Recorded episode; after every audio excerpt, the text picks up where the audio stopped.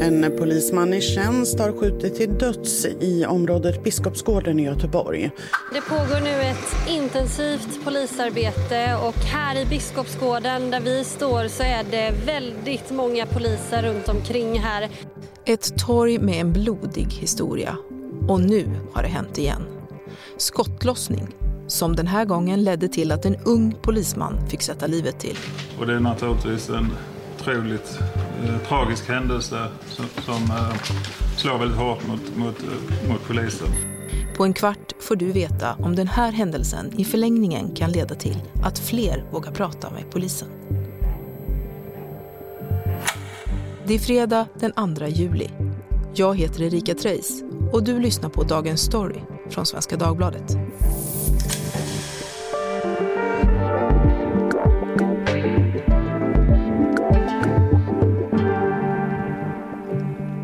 Mattias Ståhle, grävande reporter på SvD. En polisman har skjutits till döds. Hur kunde det ske? Ja, jag skulle säga att det egentligen inte är så konstigt. Poliser är, är lika sårbara som oss andra och vi har skottlossningar på öppen gata var och varannan vecka. En dödas det ett förbipasserande barn. En dödas det någon eller några som bara har satt sig på en restaurang. Och polisen har ju till uppgift att röra sig i just sådana miljöer där det här händer hela tiden. Det är därför jag inte tycker att det är konstigt. Och de har ju dessutom till uppgift att konfrontera dem som skjuter. Mm. Vi, vi, talar också om ett pågående skeende här där information kommer fram hela tiden. Men, men kan du sammanfatta det vi faktiskt vet med säkerhet så här långt? Ja, vi vet att flera uniformerade poliser befann sig i Biskopsgården på Hisingen i Göteborg vid tio tiden på onsdagskvällen på ett rutinuppdrag. Och att en av dem har blivit skjuten till döds när han och hans kollegor stod och pratade med flera personer i närheten av en plats som heter Vårväderstorget. Vad de pratade om och med vilka, det vet vi inte. Men under det här samtalet, eller i nära anslutning till det, så öppnar någon eld och kulorna träffar då polismannen och han skadas så svårt att han senare avlider på sjukhuset. Vi vet inte om den som sköt siktade på polismannen eller om han siktade på någon av de andra som befann sig på platsen. Det enda vi vet det är att det var en ganska ung polisman, runt 30, relativt ny i yrket. Han hade uniform på sig när han sköts och han var inte ute på något särskilt uppdrag. Det var en helt vanlig rutinpatrullering i området och tidigare under kvällen så hade han mopedpatrullerat med en annan kollega. Då, så att det har bara hänt någon minut innan 22.34 och eh, eh, vi förstår direkt, eh, vårt vakthavande befäl förstår direkt att det här eh, vad det är för eh, ärende. Så att vi går upp i det vi kallar särskild händelse. Du nämnde Vårväderstorget som ligger då i Biskopsgården i Göteborg. Kan du kort beskriva för lyssnarna hur det ser ut där? Vårväderstorget är, det är en ganska sliten plats kan man väl säga. Eh, den ser ut ungefär som en gryta i betong med ett gatusmalt torg mitt i. Och där finns det en pizzeria, en matbutik, en tobaksaffär, det finns bibliotek, ett studieförbund och lite annat som man ofta hittar på förortstorg. Och Polismannen sköts ihjäl på Höstvädersgatan som ligger vid det här torgets norra sida på andra sidan spårvagnshållplatsen. Och man kommer dit då genom att gå under själva spårvägsviadukterna. Och sen Höstvädersgatan som så, det är ett ganska vanligt bostadskvarter som är kantat av vanliga flerfamiljshus. Men torget i sig, det har ändå en både våldsam och väldigt sorglig historia. Vad vet du om det? Vårväderstorget har ju blivit lite av en symbol för skjutningarna i Sverige. Eh, just för att det har varit väldigt många skottlossningar i det området. Och just på det här torget så inträffade också en av, ett av de värsta blodbaden som vi har haft i det här landet i något sånär modern tid. Och den skedde då utanför pizzerian som ligger på torget. Och även där fanns det faktiskt poliser på platsen när det hände.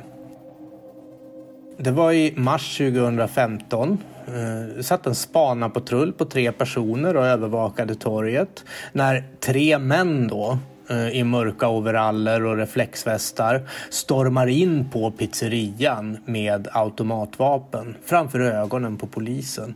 Där inne skjuter de ner tio personer.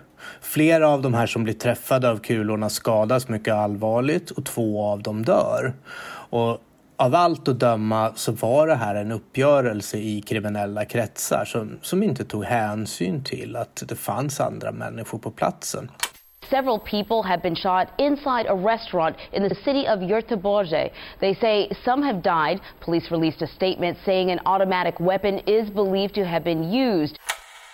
Det här gör ju också att Vårväderstorget också är lite av en symbol för hur utsatta poliser är när de är ute på fältet. Därför att eh, jag och min kollega Jani Sallinen har intervjuat de här poliserna som blev vittnen till den här händelsen då, eh, i våran bok Vapensmederna, männen som beväpnar Sveriges kriminella som vi släpper nu i sommar. Och en av de här tre poliserna hon satt bara ett tiotal meter från själva blodbadet. Hon hade ingen förstärkning. Hon hade inget annat skydd än en liten glasruta framför näsan och så hade hon ett tjänstevapen i bältet. Och hon kände sig naturligtvis extremt maktlös när det här sker framför ögonen på henne. Vad ska jag göra med en liten Sig Sauer-pistol mot tre automatvapen? Det var hennes egen retoriska fråga när vi intervjuade henne om detta. Det var, det var en fruktansvärd upplevelse. Och det här tycker jag är någonting som tål att tänkas på i sådana här sammanhang. Och vad tror du då skulle polisen behöva för att bättre kunna agera när sådana här saker sker? För det första så tror jag att de behöver vara fler och de måste framförallt vara bättre förberedda på att det här kan ske. Du kan inte sätta några ensamma obevakade poliser att hålla koll på en plats där det kan dyka upp eh, kriminella människor som har en beväpning som ligger på nästan militär nivå. Eh, det funkar inte. Fler poliser, det har vi hört politikerna tala om också helt enkelt. Ja, eller kanske färre vapen i samhället är en annan möjlighet. Det är det inte så många politiker som pratar om.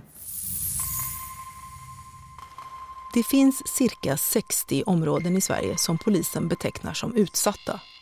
De är geografiskt avgränsade områden med låg socioekonomisk status och där kriminella har en inverkan på lokalsamhället. I särskilt utsatta områden är flera demokratiska rättigheter och skyldigheter dessutom satta ur spel. Där har polisen svårt att fullfölja sitt uppdrag och det råder en allmän ovilja att exempelvis vittna och delta i rättsprocesser. Det finns en diskussion kring polisens beteckningar, om de är stigmatiserande. För vem vill bo i ett särskilt utsatt område? Men enligt polisens nationella operativa avdelning så är det viktigt att ha en sanningsenlig bild över landets alla lokalpolisområden. Och därför klassas fortsatt vissa områden som särskilt utsatta. Däribland Biskopsgården på Hisingen i Göteborg. Biskopsgården är ett i stora delar rätt nedgånget område. Och Vårväderstorget utgör som sagt inget undantag. Det ligger då på bortre stranden av Göta älv sett från Göteborgs stadskärna. Men det går inte riktigt att säga att den här platsen är isolerad i fysisk bemärkelse. Men däremot är den ganska avskuren från centrala Göteborg av andra skäl. Och i många av de här områdena så finns det också en tystnadskultur som gör att folk är rädda för att prata med polisen eller för att närma sig polisen eller rent av rädda för polisen. Och så är det i allra högsta grad i kvarteren i Biskopsgården där det här har hänt. Det framgår av flera polisutredningar och jag har dessutom upplevt det själv när jag har varit där och försökt intervjua människor i, i samband med andra tidigare skottlossningar det finns ju flera kriminella nätverk i området. Eh, är de, skulle du säga, inblandade i de här dödsskjutningarna? Ja, det är de som, som står bakom dödsskjutningarna på ett eller annat sätt. Det finns flera olika, mer eller mindre tillfälliga gäng som går ihop och de är verksamma på narkotikamarknaden och där är de bittra konkurrenter därför att det är narkotikaförsäljningen som ger dem pengar och det gör att de är väldigt, väldigt kitsliga när handeln med knark störs ut. Antingen då om den störs ut av ett annat gäng, vilket kan leda till våldsdåd mot det gänget, eller om polisen kommer dit och stör ut den så blir de naturligtvis irriterade på polisen. Och jag vill avsluta med att bara konstatera att personen som har utfört det här fasansfulla dådet ska gripas och sitta i fängelse. Är det uteslutet att offret, polisen då i det här fallet, var en måltavla? Nej, det är inte uteslutet och det kan mycket väl så att no någon med vilja har försökt skjuta på polisen. Men det är heller inte otänkbart att mördaren faktiskt siktade på någon annan och råkade träffa polismannen. Men det gör ju på intet sätt det hela försvarligt eller mindre tragiskt. Det var ingen särskild insats som pågick, det har du också varit inne på tidigare. Och det sa också polisen på presskonferensen, utan det var ett så kallat linjearbete. Men vad är det? Ja, det är polissvenska för att man är på plats och syns. Man ska visa upp sig i uniform, kontrollera mopeder, buskörning med bilar, visa de som bor i Biskopsgården att polisen finns här och vi är här för er skull. Det är liksom, det är dagens version av att fotpatrullera helt enkelt. Okej, eh, men, men polisen har nu rubricerat det som särskild händelse. Vad betyder det då? Ja, det betyder att man går in med mycket, mycket större resurser än vad man normalt gör. Och när det handlar om ett polismord så tror jag inte att det finns någon övre gräns för hur mycket arbete polisen i Göteborg och nationellt är beredda att lägga ner för att lösa det här mordet. Ja, men det pågår nu ett intensivt polisarbete och här i Biskopsgården där vi står så är det väldigt många poliser runt omkring här. Eh, både här som har spärrat av här och runt omkring. Eh, det har ju framkommit tydligt då att polisen som sköts, han hade på sig uniform. Har det någon särskild betydelse? Ja, för om det är så att mördaren har siktat på den här polismannen medvetet just för att han är polis, ja men då tyder det på att någon eller några av Göteborgs kriminella har fått alldeles för hög svansföring på sistone. De flesta yrkeskriminella de vet att det dummaste man kan göra är att skjuta en polis. Helt enkelt för att man nästan alltid åker fast för det. Men vågar de nu ta öppen strid med polisen, ja men då har våldsnivån i, i vårt samhälle skruvats upp väldigt, väldigt rejält. Men vi bör ju då tillägga att vi vet i nuläget inte om den här polismannen var måltavlan eller om han råkade träffas. Vad kan det här komma att betyda framåt för relationen mellan poliserna och de som lever i de här områdena?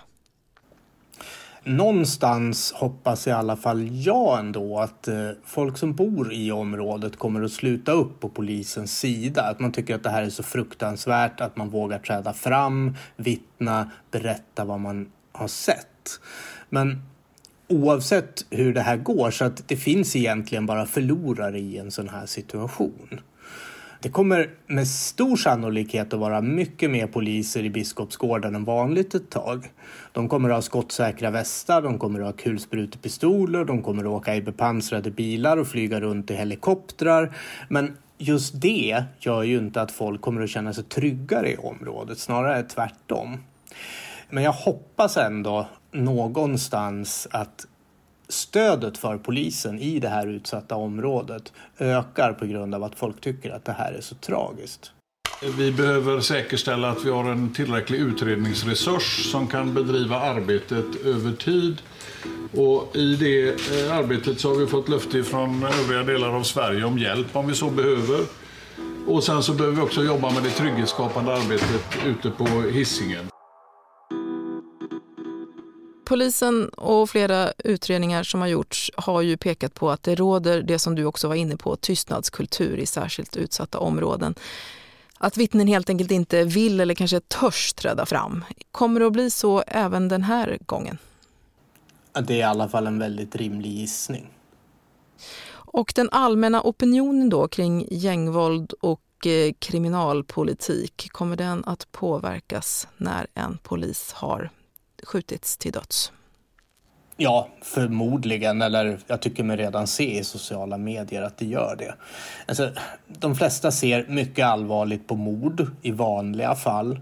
Och när det sen är en polis som, som skjuts, det finns ett symbolvärde i det som gör att det här blir starkare. Att vi reagerar på händelsen på ett starkare sätt än vad vi vanligtvis gör. Och att det inte skulle påverka opinionen, det, det bedömer jag som helt osannolikt. Tack Mattias Ståhle. Tack själv. Vi som gjorde programmet idag var Daniel Persson Mora, producent, Adam Svanell, redaktör och jag heter Erika Treijs.